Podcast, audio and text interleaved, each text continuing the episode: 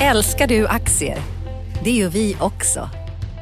Sea Worldwide Asset Management är en av Nordens största oberoende aktiva aktieförvaltare och har samlad kunskap sedan 1986. Ta del av vår kunskap på seaworldwide.se. Bokstaven C, worldwide.se.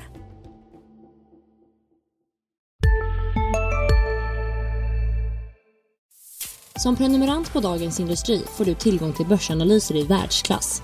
Följ frågorna som berör, lyfter och fördjupar. Bli prenumerant idag på di.se podderbjudande. På Dagens Industris konferens Retail på Sheraton i Stockholm den 11 april får du ta del av erfarenheter och tips från experter inom detaljhandeln. Lyssna till hur bland annat H&M Group, IKEA, Elgiganten, Clas Olsson och Coop möter framtidens kund i en digitaliserad värld. Var med och diskutera ämnen som nudging som konkurrensfördel, nyttan av att skapa valsituationer som knuffar kunden i rätt riktning, framtidens retail. Vad krävs för att vara förstahandsvalet för morgondagens kunder? Digital first. Så skapar du succé i varje kanal genom en homogen kundupplevelse. Välkommen till DI Konferens Retail den 11 april. Boka nu och säkra din plats på di.se konferens. Analyspodden från Dagens Industri. Hej och välkommen till Analyspodden. I studion idag är det jag, Johan Wendel, reporter och analytiker på tidningen. Och med mig från Göteborg har jag Rickard Bråse, analytiker på tidningen. Välkomna! Tack ska du ha. Hur är läget? Det, det har aldrig varit bättre. Är det nästan lika bra som börsen kanske? Jag kollar på OMXSPI här på fredagen, fredagsförmiddagen och vi är upp med 15 procent nu i år. Det tycks inte finnas någon, finnas någon hejd på den här börsuppgången, eller vad säger du?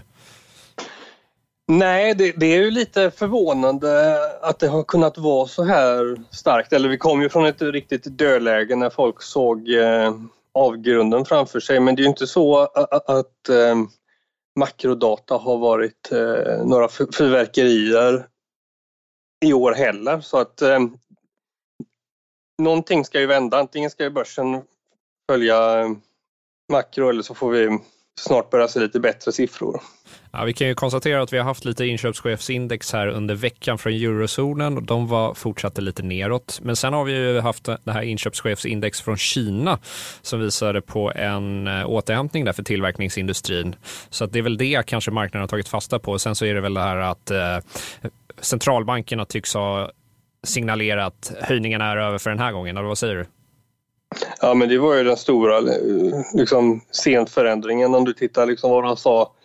Back, backa till början på, eh, på hösten när, när, eh, när den amerikanska centralbanken eh, sa saker som att man var långt ifrån ett neutralt ränteläge och det var liksom klappat och klart att man skulle ligga och trycka ner eh, balansräkningen och sådär och sen går börsen ner 20 procent och, och de har ju tvärvänt. Det, de, de ska, det är väl, nu är inte jag någon superkoll på, på uh, vad man tror att de kommer göra framöver men det är väl mer troligt att de ska sänka räntan än höja den nu.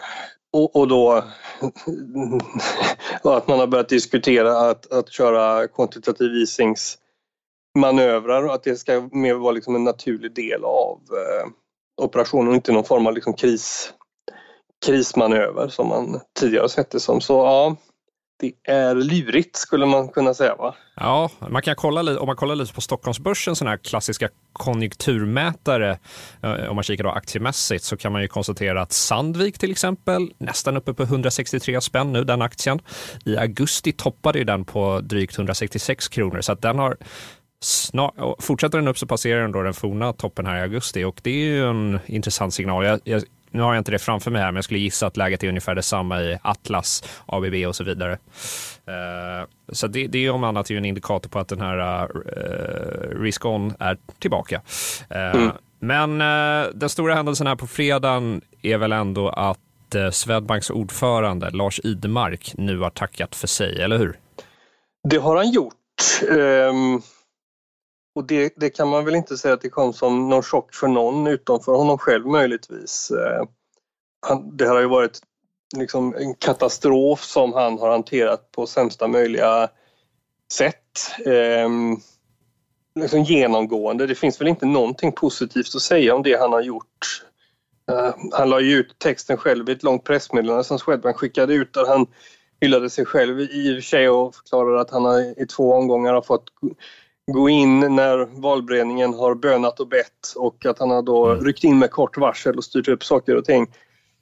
Och att han nu känner sig, ja vad ska man kalla det för, förorättad eller något liknande över att det har stormat medialt. Jag vet inte om han eh, om han är på den här planeten eller var han befinner ja, sig. Alltså, alltså jag måste säga att jag blev lite Eh, kan man använda känslouttrycket förbannad när jag läste det här pressmeddelandet? Som du säger, han klagar mycket på att media har fått saker om bakfoten utan att specificera vad det är vi har fått om bakfoten, vilket är en så klassisk eh, eh, kommunikationsstrategi som man använder när man vill eh, eh, distrahera och så vidare. Han, pra han pratar ingenting om de här som Swedbank misstänks för, alltså att man misstänks ha tvättat pengar åt väldigt obehagliga personer det verkar inte bekymra honom alls, det faktumet. Det är snarare att det har varit jobbigt att det här har uppmärksammats medialt. Det är en ganska konstig inställning, eller vad säger du? Eh, ja, det är ju helt otroligt. Den här krisen eller, har, har ju skrivit in sig i historieböckerna naturligtvis och, det är det här som han, han kommer att vara ihågkommen för. Det kommer inte vara vad han gjorde på Posten eller på KF eller på eh, Södra Skogsägarna som är det som eh, Lars Idemark kommer att bli ihågkommen för utan det är ju den här hanteringen. Och det, det, handlar inte bara om att, att man har misslyckats med att göra någonting, man har ju aktivt, framstår det som, gjort allt som har varit liksom möjligt för att tysta ner det. Den här mycket omtalade Grimstad-rapporten där det kom fram nya uppgifter här i veckan om att den här norske juristen då hade fram, fram sin rapport redan i början på december, eller 10 december låg den på Swedbanks bord där det framkommer väldigt, väldigt graverande uppgifter och, och att proportionerna på den misstänkta transaktionen har varit mycket, mycket, mycket större än vad man liksom tidigare har, har kunnat få fram. Mm. Ehm, den har de ju behandlat som att den inte existerar och gjort allt och leta, liksom försökt trycka på juridiska mm, kryphål om att, eh, om att, den, att det finns juridiska privilegier som gör att den, att den inte ska komma till någon kännedom. Och i den mån som den då ens, eh, vad ska man säga, eh, att de erkänner att den existerar så har han ändå inte läst den. Så att ja, det jag brukar gå igång när det kommer pressmeddelanden av, där styrelseordförande och, och VD får sparken och sådär. Men den här har ju liksom varit så uppenbar att Eh, att det här måste ju varit ett etablerat faktum för eh, personer med någon form av sunt förnuft. Ja, nej, det, det är väldigt märkligt. Och jag, jag vill väl bara passa på och citera här vår eminenta kollega Martin Rex som påpekar att eh, Lars Idmark säger så här i det här pressmeddelandet. Det har varit svårt i ett massmedialt uppskruvat läge att få gehör för proportioner, sakfrågor och att kunna bemöta direkta felaktigheter. Och eh, då påpekar Martin Rex att Lars Idemark konsekvent har tackat nej till eh, intervjuförfrågningar. Så, och då är det svårt att få klart för sig. Eh, då kan det vara svårt att förklara kanske när man eh, gör så. Men, men. Men, eh, och nu rapporterar ju vår eh, andra kollega Anders Hägerstrand här att det här är inte det sista som har hänt i eh, Swedbanks styrelse, utan det är andra som kan komma att bytas ut. Bland annat nämns Ulrika Franke och Peter Norman som personer som hängs, hänger löst. Eh, vad säger du om det här? Ja, men det är uppenbart att eh, det är flagrant misskött och, och att man behöver byta ut i princip hela styrelsen egentligen. Eh,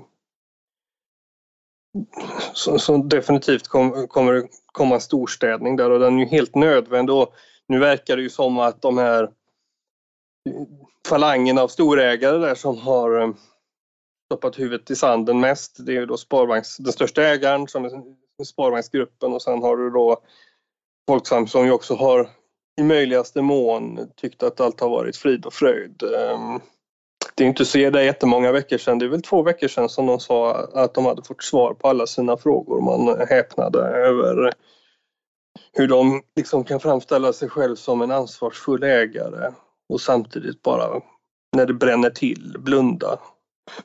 Blunda när, när det är någonting som inte går. Och borde gå att blunda för utan att då visar man att, man att det finns andra saker som är viktigare än att banken gör rätt och riktigt för sig och tar tag i sina problem. Men, men det, som, det som skulle kunna bli ett jätteproblem är ju om de inte, att man skulle ha, liksom, fortsätta köra på linjen med att nej, men det här är ju liksom inget problem, styrelsen ska vara kvar och sådär. Att de här andra ägarna som har, bor, tunga ägarna, som Alecta bland annat, att de skulle ju kunna sälja aktier helt enkelt i Swedbank om, om tondövheten skulle bestå. Och då öppnar ju det för ett väldigt intressant läge för Swedbank. Att om du kasar iväg de ägarna som, som, eh, som skulle kunna liksom, i ett läge där det behövs göra nyemission till exempel. Alltså nu tänker jag att vi går in i någon form av recession och att det blir, det är kanske inte är någon form av huvudscenario men det är ett scenario som inte är otänkbart att Swedbank någon gång i framtiden kommer göra en nyemission igen. Man fick ju göra det i dubbla omgångar förra gången vi hade en, eh, en rejäl eh, recession. Har du då schasat bort de som kan stoppa in pengar, det är inte supersmart. Va? Så att um, det är helt nödvändigt att styrelsen byts ut och att um, man lyssnar på, inte bara på de två största ägarna utan på, har en lite mer lyhördhet än så.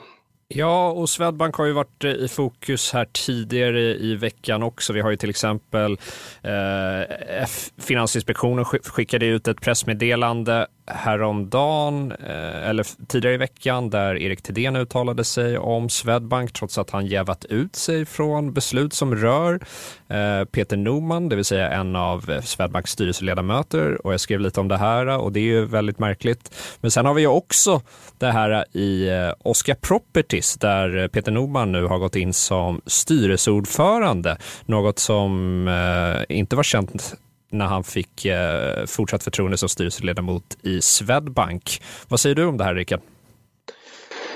Ja, vi kan börja bara med, med, med tillbaka till Finansinspektionen för den är också en fråga som, som lite hamnat i skymundan. Och när jag tittade på, på Swedbank och deras operation i Baltikum i höstas och skrev lite om det här så hade jag hela tiden känslan, eller det som var den läskigaste frågan var kommer tillsynsmyndigheterna ens agera om de skulle få graverande uppgifter serverade på ett silverfat? Det kändes som att alla andra parter utom Danske Bank var extremt måna om att penningtvätt, det var någonting som började och slutade med Danske Bank. Och att det var extremt viktigt att hålla det där. Nu har det ju visat sig att, att det här problemet naturligtvis inte stannar vid Versobank och och Danske Bank. Att problemet kan vara betydligt större än så. Va? Och, och, det är ju läskigt när, när du börjar att fundera på att de som ska utöva tillsynen, gör de verkligen sitt jobb? Thedéen var ute i höstas och förklarade, så upprepade samma argument som Swedbank körde om att ah, det är en helt annan affärsmodell så att det, här, det finns liksom inga stora risker för att det skulle förekomma någonting sådant där. Det är jätte, jätteproblematiskt och det är ju någonting skulle man sitta som politiker och se på det här så skulle man ju inte vara helt nöjd va, med, med, med det agerandet och den slappheten och naiviteten inför det här problemet. Som ju är väldigt komplicerat ska man ju komma ihåg också. Så eh, det, är inga, det, är inte, det är inte jättelätt hanterat. Nej, och, och, och, och, och i det läget då så springer, så, så springer en annan politiker.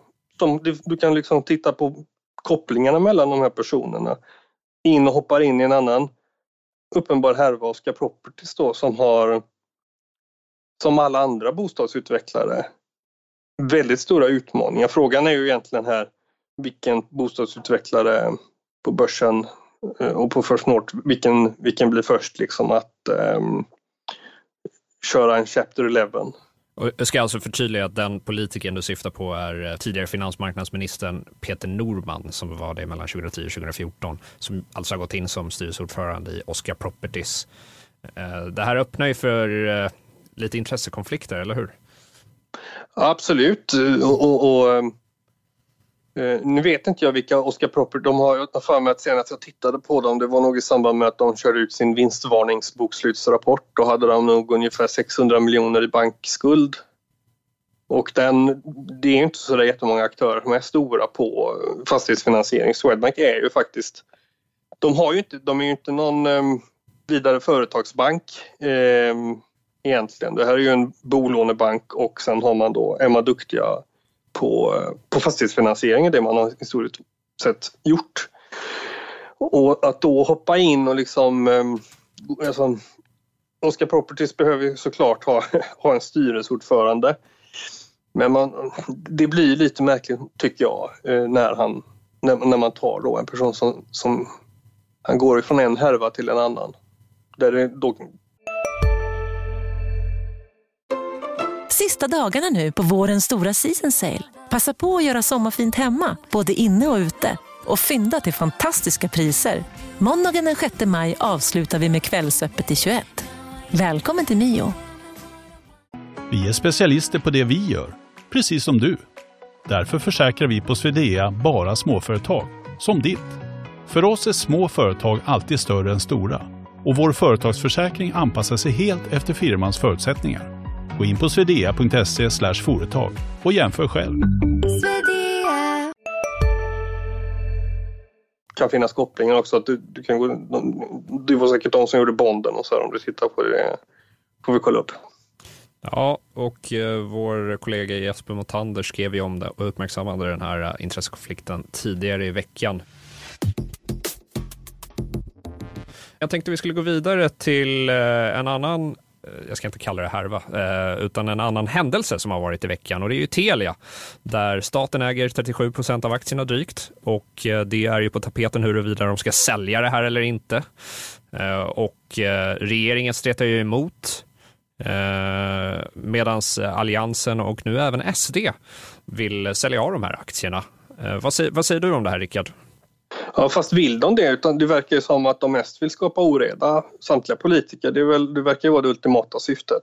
Det, det här snackar vi också en ägare som inte kanske riktigt förstår eh, sitt eget bästa eh, då i svenska staten när man, när, man, när man har slängt fram Försvarsmakten har kommit in och, och sagt att, inte, att de inte kan sälja sina 37 procent eller vad man nu äger för att det finns kritiska tillgångar och man kan inte säga vad det, vad det skulle vara för någonting. Eh, så att det är lite eh, märkligt. Så att där har du, jag vet inte om det, om det är bara ett politiskt slagträ för att inte behöva sälja aktierna men det har ju nappats på andra sidan. Du hade ju en moderat som var ute och pratade i DI här om att att man då ska, ska utreda eh, om man ska stycka upp Telia och sådär.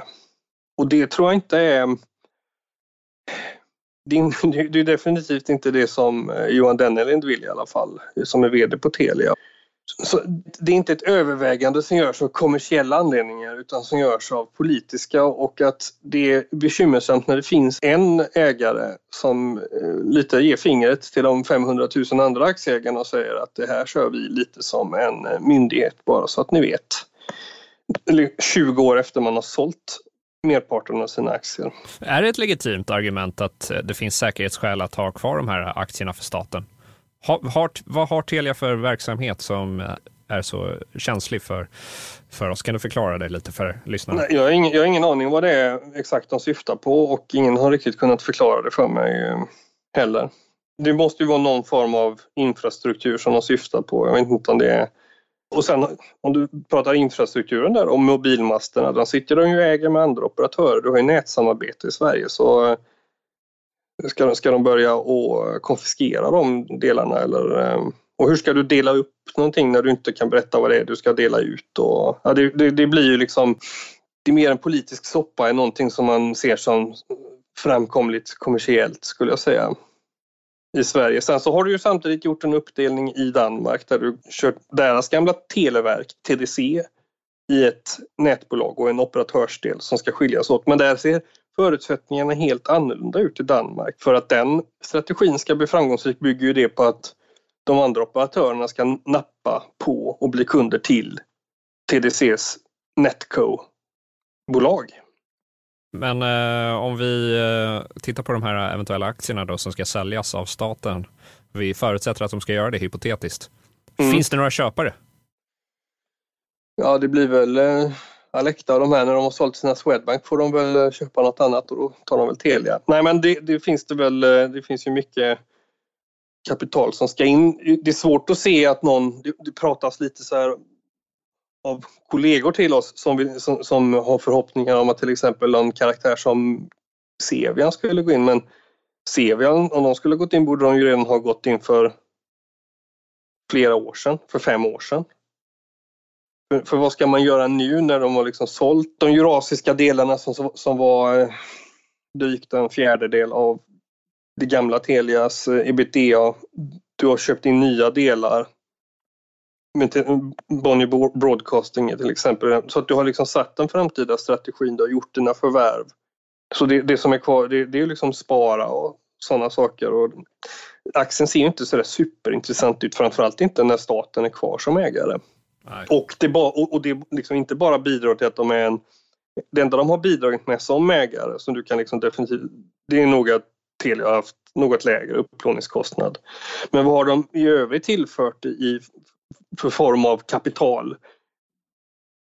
Ja, det är väldigt svårt att se det förutom liksom negativa bidrag, liksom att de tycker att det här med eh, incitament för, för vd och så är jättedåligt. Så att Johan Dennelin som är VD, det är väl han och Birgit Bonnesen som inte längre är VD för Swedbank som var de två OMX30 chefer som inte hade någon rörlig ersättning. Och jag brukar alltid tänka att om man vill få liksom en hint av framtiden, hur ett bolag ska utvecklas, vilka nyckeltal det är som kommer pushas. Så det första man ska göra är att sätta sig in i hur incitamenten ser ut. För att se i vilken riktning man, man kommer springa. Och i Telias fall så finns det ju inte den moroten att ta ut sig de där sista procenten riktigt. Det är svårt att säga hur världen hade sett ut om, om man hade haft en annan struktur men jag misstänker att det hade inte gjort saken sämre i alla fall. Ja, äh, det blir spännande att se vad Telia tar vägen, men lyssnar jag på dig så låter det inte som att det kommer att återfinnas hos någon äh, aktiv ägare på Stockholmsbörsen inom äh, en snar framtid. Men jag tänkte vi skulle kika lite på betting och gambling här. För Catena Media till exempel har ju varit i ropet. Den aktien har ju fullständigt kollapsat. De föll under 60 kronor här på torsdagen, men nu på fredagen så handlas de upp lite med nästan med strax över 2 procent. Eh, och eh, det verkar ju som att bolaget har ägnat sig åt någon eh, analytikermassage här, eller hur Rickard? Ja, så framstår det. Ehm, jag har ju varit väldigt skeptisk till den här aktien under lång tid och det får man väl säga har varit med rätta eftersom exakt det de risker jag pekat på har ju liksom hamnat i blickfånget och är det som har dragit ner aktien. Jag, jag vände ju på klacken. Jag vet inte om det var mest förvånande för andra eller för mig själv egentligen men för någon vecka sedan och det första som hände var att bolaget gick ut och enligt de kommentarer som har varit från eh, marknadsaktörer i alla fall att de har snackat ner förväntningar då inför Q1. Och frågan är det, de är ju inte ensamma om att, som vi säger, eh, liksom ge analytikermassage. Det finns ju många bolag som är, kanske gör det lite smidigare då och inte riktigt får samma uppmärksamhet för det. Men gör man det för att lägga förväntningarna på en nivå så att man ska kunna slå eller gör man det för att det seriöst ser eh, riktigt svagt ut? Det får vi svaret på liksom när, när, rapporten kommer naturligtvis. Och de själva har nog inte, har inte heller full insikt i hur Q1 har slutat för de har inte marssiffrorna klart för sig än. Men det verkar ju som att den svenska marknaden i alla fall har varit i gungning under första kvartalet. Om man tittar på data från skatteinbetalningar och så här. Så, så eh, efter regleringen så har det inte fått någon flygande start precis.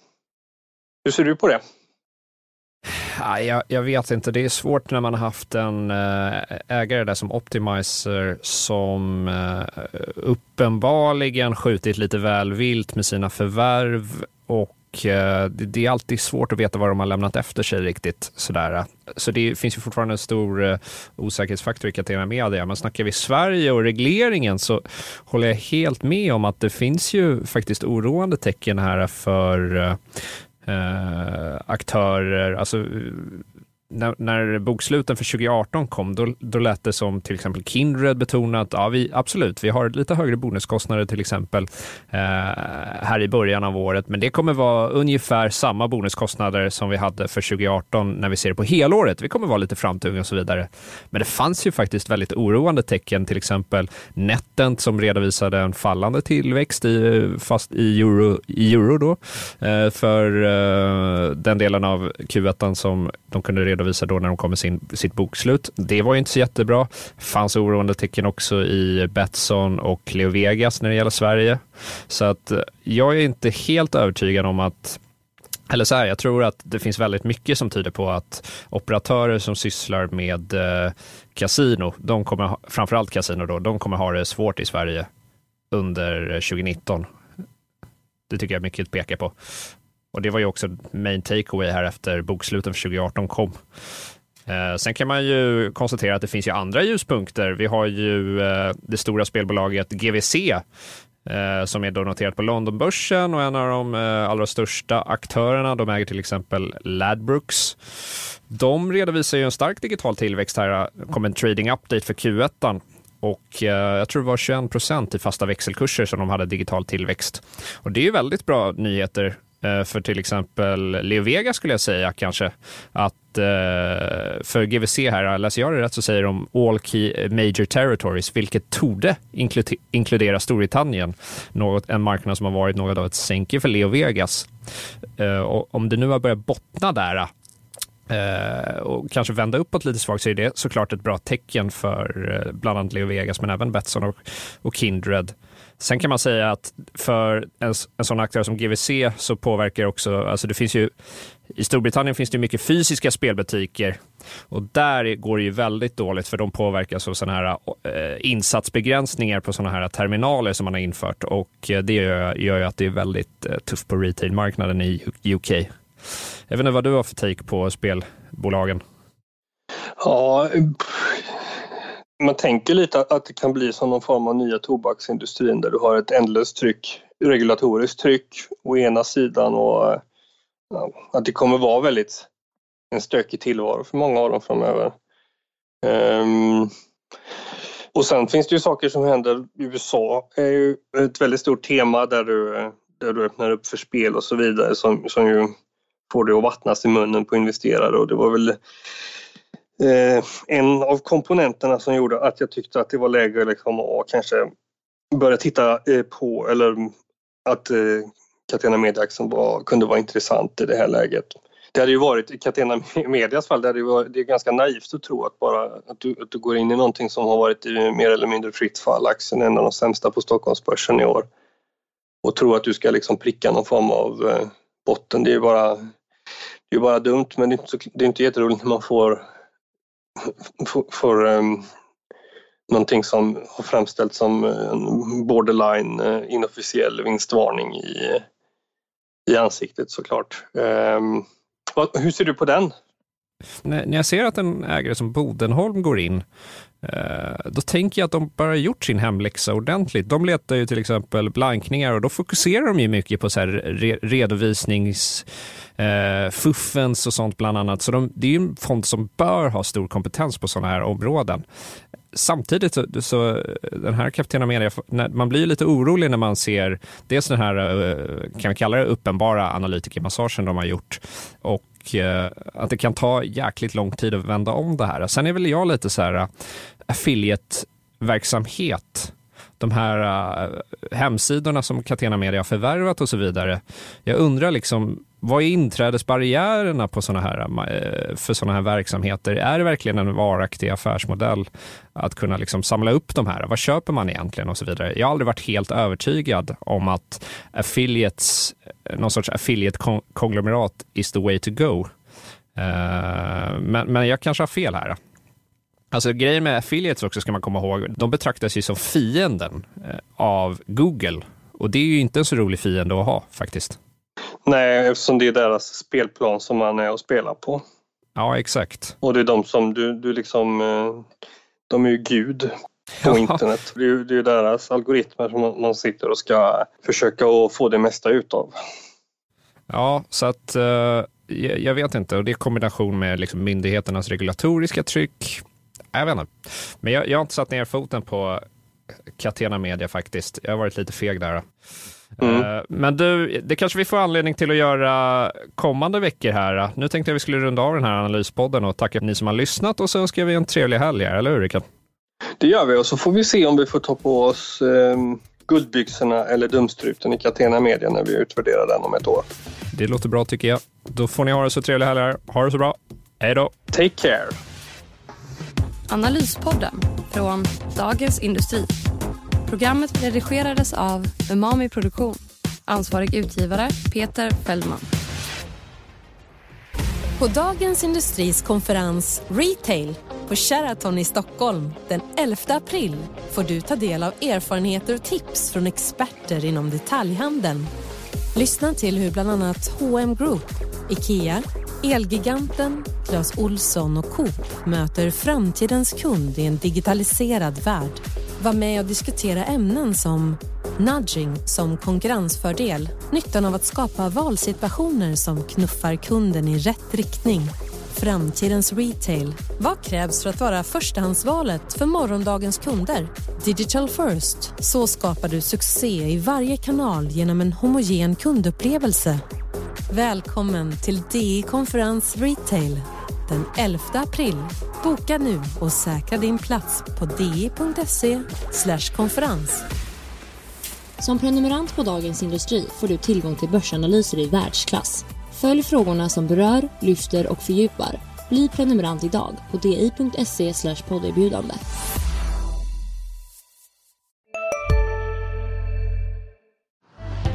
Älskar du aktier? Det gör vi också. Sea Worldwide Asset Management är en av Nordens största oberoende aktiva aktieförvaltare och har samlad kunskap sedan 1986. Ta del av vår kunskap på seaworldwide.se. Bokstaven C, worldwide.se